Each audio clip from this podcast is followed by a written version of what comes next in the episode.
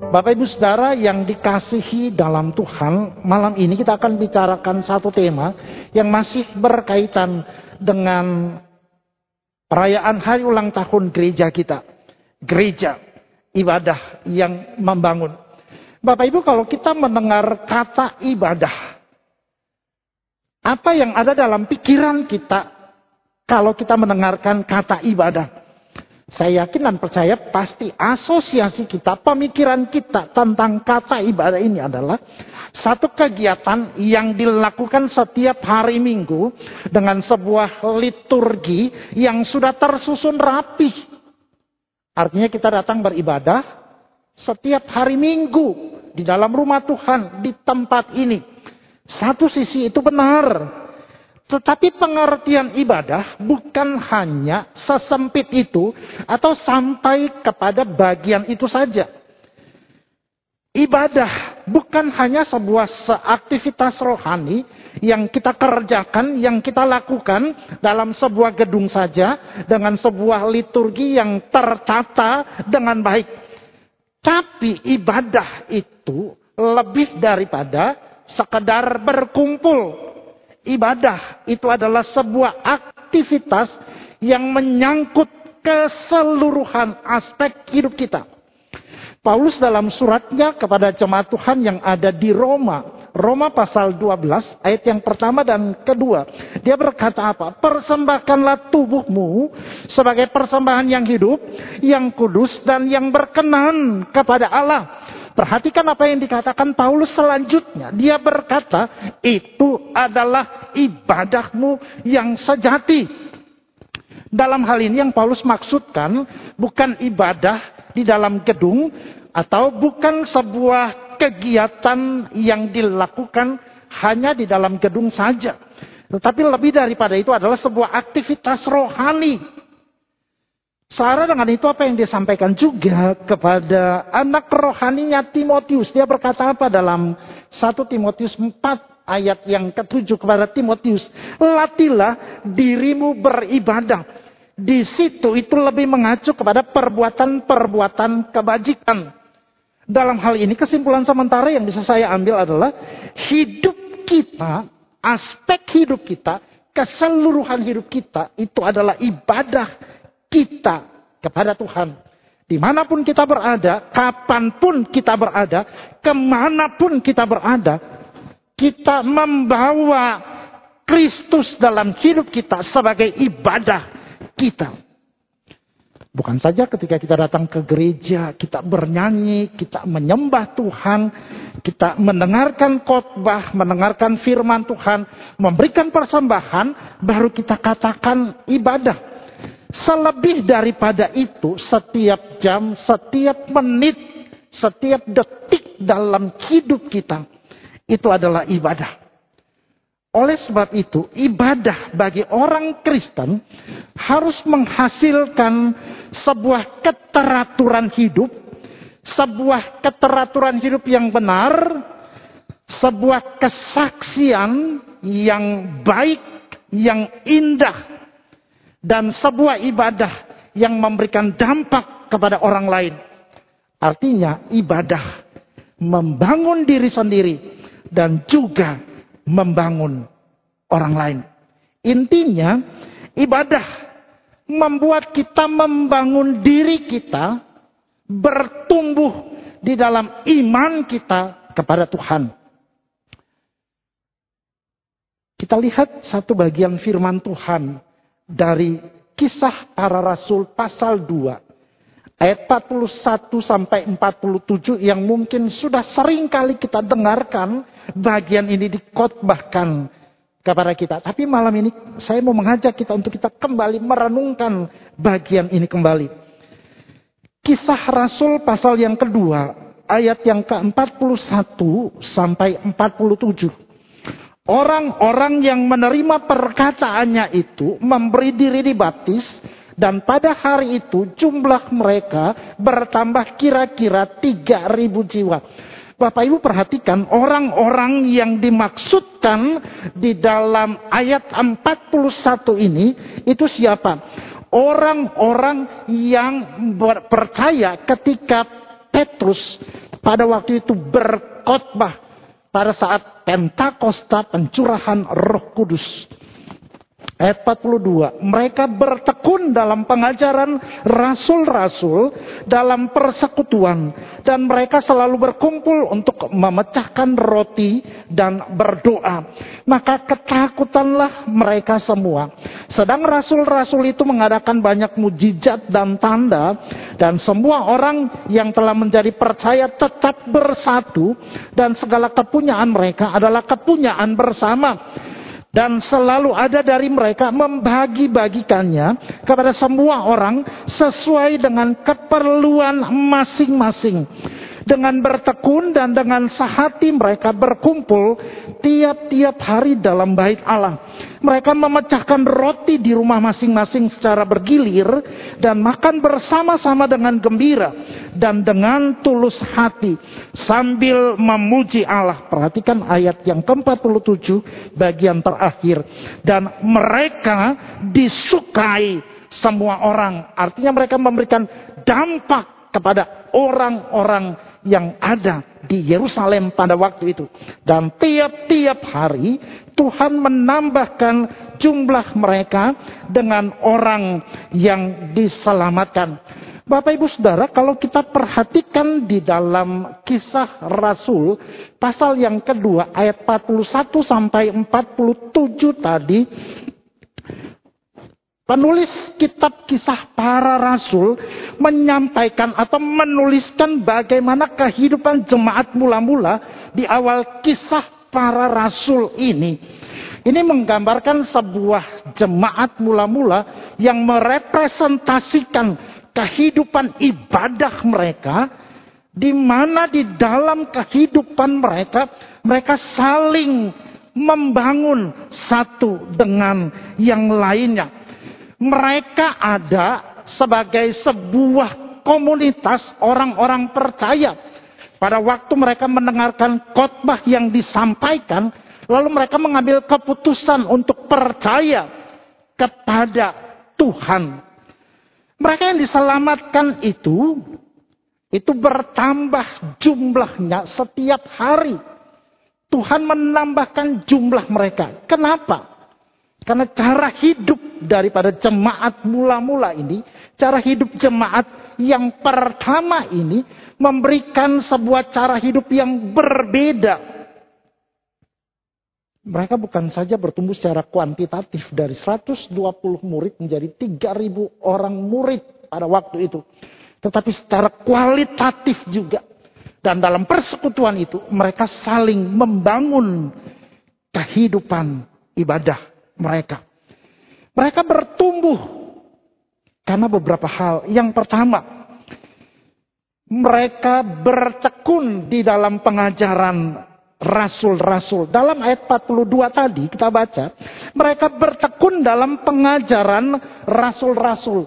Bapak Ibu Saudara, kata bertekun ini dari satu kata yang dipakai dalam ayat 42 dan 46 itu menunjuk kepada satu kegiatan yang dilakukan secara terus-menerus.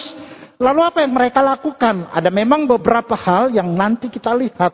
Yang pertama itu mereka bertekun di dalam pengajaran rasul-rasul. Penekanan firman Tuhan itu sebagai sebuah penekanan yang utama di dalam kehidupan jemaat mula-mula pada waktu itu. Tekun hidup di dalam pengajaran firman Tuhan yang dilakukan oleh jemaat mula-mula itu sebagai sebuah kekuatan utama mereka. Dan mereka melakukannya itu secara konsisten. Mereka melakukannya itu secara terus-menerus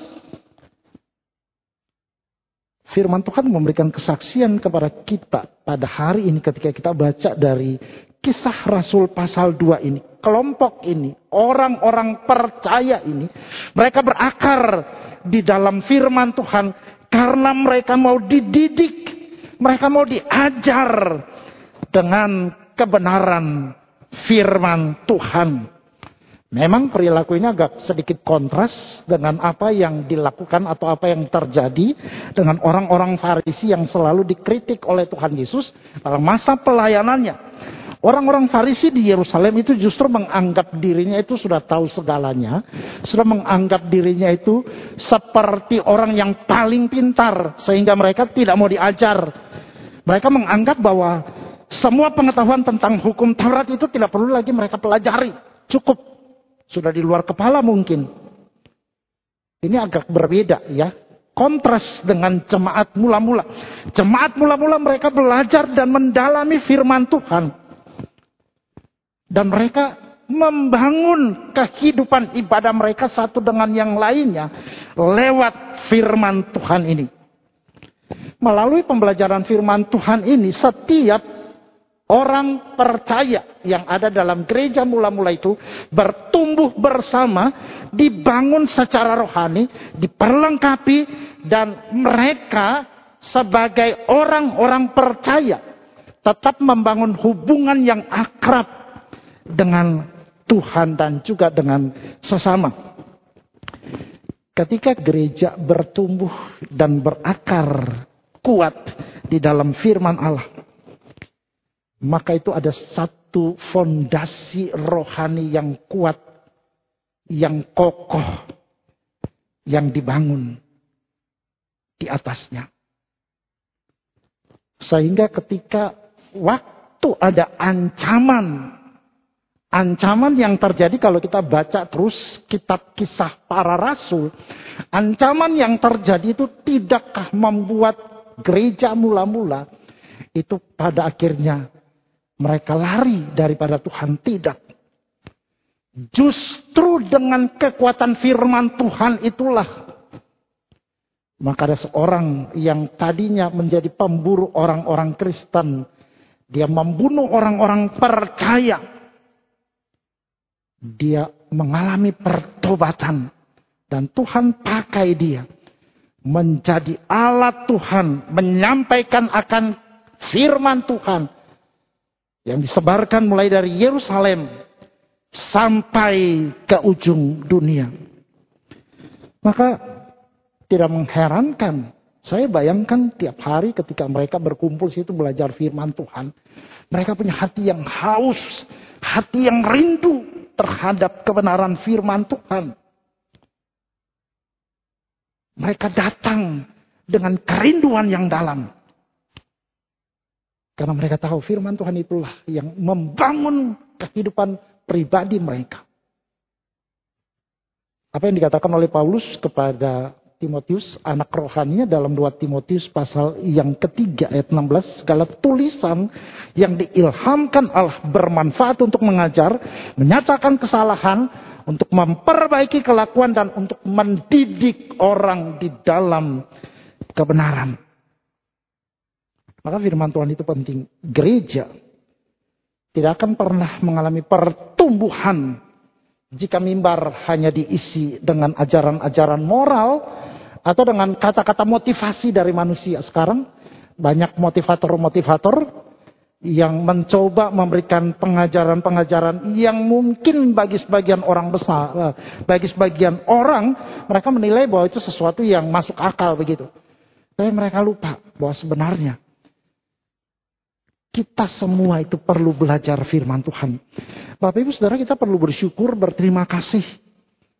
Sampai hari ini kalau GKI Greenfield ada 41 tahun itu karena anugerah Tuhan. Dan di situ ada pengajaran firman Tuhan yang kuat. Dan kita bersyukur bahwa sampai saat ini kita punya kelompok-kelompok yang belajar firman Tuhan itu banyak. Ada base, ada kemudian ada fine project class, kita ada alive.com, belajar firman Tuhan, bertumbuh bersama-sama, menolong kita untuk belajar kebenaran firman Tuhan. Beberapa hari yang lalu saya bertemu dengan beberapa uh, dengan beberapa pemimpin kelompok base.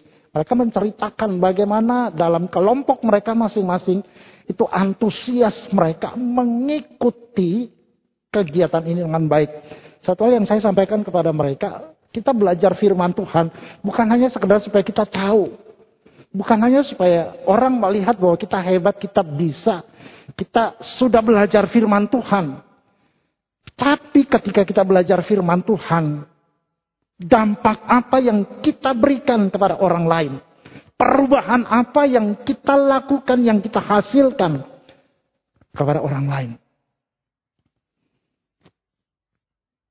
Hal yang kedua, mengapa sampai gereja mula-mula itu mereka berkembang dengan baik? Karena mereka memiliki persekutuan yang indah, persekutuan yang erat. Ayat 42, mereka bertekun bukan saja dalam pengajaran rasul-rasul, tetapi juga dalam persekutuan. Setiap hari mereka berkumpul bersama-sama, mereka bersekutu. Persekutuan yang dimaksud di dalam bagian ini adalah ketika semua unsur ada di dalamnya. Persahabatan, kemitraan, perasaan senasib, hubungan yang membangun, yang menguatkan dan saling menopang. Pada waktu itu di Yerusalem ketika terjadi Pentakosta, pencurahan Roh Kudus dan banyak orang yang percaya, lalu orang percaya semakin hari semakin berkembang, maka terjadi penganiayaan. Maka orang-orang percaya pada waktu itu mereka berkumpul bersama-sama untuk apa? Supaya mereka selain belajar firman Tuhan, mereka berdoa bersama-sama, mereka saling mendukung, saling menopang, saling menguatkan satu dengan yang lainnya. Ada seorang penafsir berkata seperti ini, persekutuan yang terjadi di tengah-tengah gereja mula-mula pada waktu itu, persekutuan sebagai partnership, communion, dan fellowship. Jadi ketiga unsur ini itu mengarah pada sikap perilaku untuk bersatu di dalam perbedaan, membangun komunikasi yang sehat satu dengan yang lainnya sehingga mereka itu menjadi satu bagian, satu kumpulan yang punya tujuan yang sama. Mereka hidup dalam persekutuan. Memang dalam persekutuan kadangkala itu ada hambatan yang perlu kita juga pikirkan. Biasanya perbedaan strata sosial, ekonomi, warna kulit, asal usul, latar belakang dan sebagainya itu bisa berpotensi menciptakan kelompok-kelompok yang terjadi di dalam persekutuan yang menghambat pembauran. Tapi ketika kita belajar dari jemaat mula-mula mereka tetap hidup di dalam sebuah persekutuan yang indah. Menerima satu dengan yang lainnya. Karena mereka tahu, mereka percaya bahwa mereka sebagai sesama anggota tubuh Kristus. Dan persekutuan mereka itu sangat indah. Persekutuan yang intim yang terjadi di tengah-tengah jemaat mula-mula itu adalah persekutuan yang dibangun atas dasar kasih kesalehan hidup. Itu semestinya juga harus terjadi dan hidup di tengah-tengah kita. Gereja Tuhan hari ini. Dan itu dimulai dari siapa? Dimulai dari kita. Bapak Ibu Saudara dan saya, kitalah pelaku-pelaku yang mesti menghidupi ini. Jangan sampai persekutuan jemaat itu tergantikan dengan hanya jiwa kebersamaan saja yang dibangun hanya sekedar bersenang-senang, melepas penat, kemudian mencari kepuasan yang pada akhirnya mengesampingkan Tuhan. Persekutuan kita dengan saudara-saudara iman, seiman kita, harusnya tetap kita pelihara sebagai sebuah persekutuan yang indah untuk saling membangun di dalamnya. Hal yang ketiga, mengapa sampai gereja mula-mula itu bisa berkembang dengan baik? Karena mereka bertekun di dalam doa. Bapak ibu saudara yang dikasih dalam Tuhan, mereka bertekun bukan saja dalam pengajaran rasul-rasul, mereka bertekun bukan saja dalam persekutuan, tapi mereka juga bertekun di dalam doa. Gereja mula-mula menyadari bahwa doa itu sangat penting. Doa itu sangat penting bagi mereka. Kalau kita baca terus di dalam pasal-pasal selanjutnya, secara khusus pasal 4, kita kisah para rasul, bagaimana ketika Petrus dan Yohanes diperhadapkan ke, kepada mahkamah agama, lalu jemaat mula-mula itu mereka berdoa. Perhatikan di dalam kisah para rasul pasal 4 ayat yang ke-23 sampai dengan ayat yang ke-31. Bagaimana terjadinya sebuah kebangunan doa yang luar biasa. Ketika mereka berkumpul, mereka bukan saja berkumpul begitu saja, bukan saja belajar firman Tuhan, tapi mereka juga berdoa. Berdoa bersama-sama. Doa menjadi bagian penting dan jadi gaya hidup dari jemaat mula-mula. Dan dengan kekuatan doa itulah yang pada akhirnya orang-orang percaya mula-mula ini mereka menjadi orang-orang yang disukai oleh banyak orang. Saya membayangkan ketika pada waktu jemaat mula-mula itu berkumpul, lalu para rasul itu mengajarkan mereka bukan saja firman Tuhan, bukan saja bersekutu bersama, tapi terhubung dengan Tuhan melalui doa.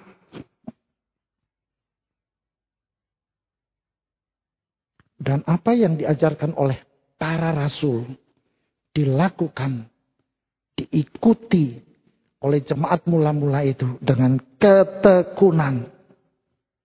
Bapak Ibu Saudara yang dikasih dalam Tuhan. Bagaimana dengan gereja kita hari ini? 41 tahun Tuhan pimpin kita. Ada banyak hal yang Tuhan lakukan dalam kehidupan gereja kita. Tapi yang menjadi pertanyaan untuk kita, apakah GKI Greenfield sudah menjadi jemaat yang disukai banyak orang? Jemaat yang memperhatikan akan firman Tuhan, persekutuan, doa sebagai hal utama dalam gereja. Apakah gereja kita juga kita sebagai anggota gereja sudah menjadi teladan bagi orang lain? Apakah hidup kita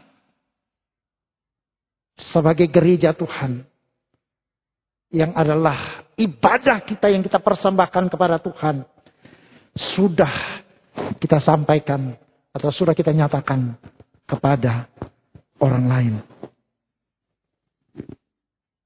Kehidupan bergereja tidak hanya sekedar datang, duduk, diam dengar firman Tuhan, dan duit memberikan persembahan.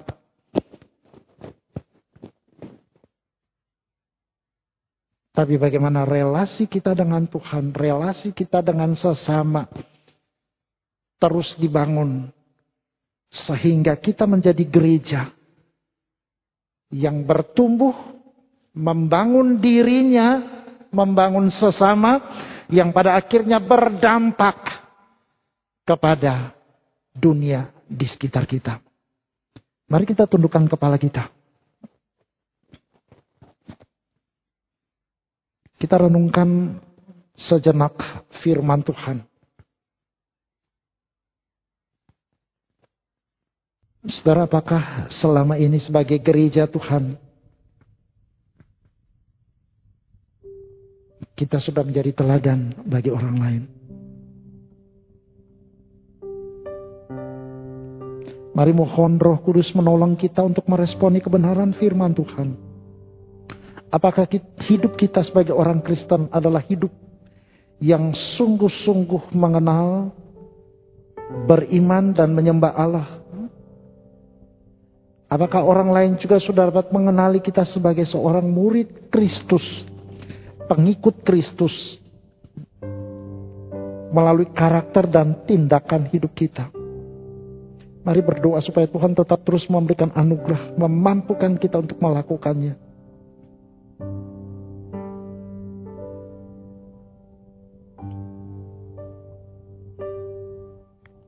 Bapa dalam kerajaan surga, malam ini kami sungguh bersyukur kepadamu ya Tuhan. Kebenaran firman Tuhan yang mengingatkan kami kembali bahwa kami sebagai sebuah komunitas orang-orang percaya harusnya menampakkan akan wajah Kristus lewat hidup kami setiap hari Tuhan. Selama ini Tuhan kami mungkin hanya belajar firman Tuhan sesekali saja kami tidak mempersiapkan waktu kami dengan sebaiknya untuk Tuhan. Kami tidak menyisihkan waktu kami untuk belajar firman Tuhan. Kami mungkin belajar firman Tuhan dengan waktu-waktu sisa kami. Ampuni kami Tuhan. Supaya kami boleh belajar. Dan kami boleh bertumbuh di dalamnya.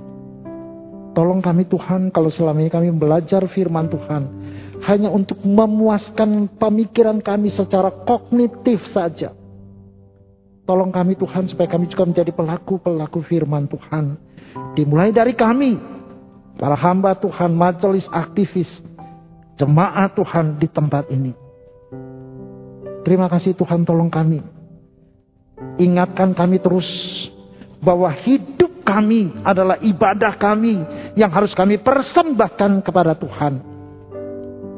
Hidup kami adalah ibadah yang harus membangun diri kami sendiri, membangun sesama kami untuk kemuliaan dan hormat bagi nama Tuhan. Terima kasih Tuhan, biarlah Tuhan tetap terus menolong kami untuk melakukan akan kebenaran firman Tuhan dalam hidup beriman kami hari lepas hari. Dalam nama Tuhan Yesus kami sudah berdoa. Amin. Sampai di sini persekutuan doa kita, Tuhan kiranya terus menolong kita untuk hidup di dalam kebenaran Tuhan. Tuhan memberkati kita sekalian.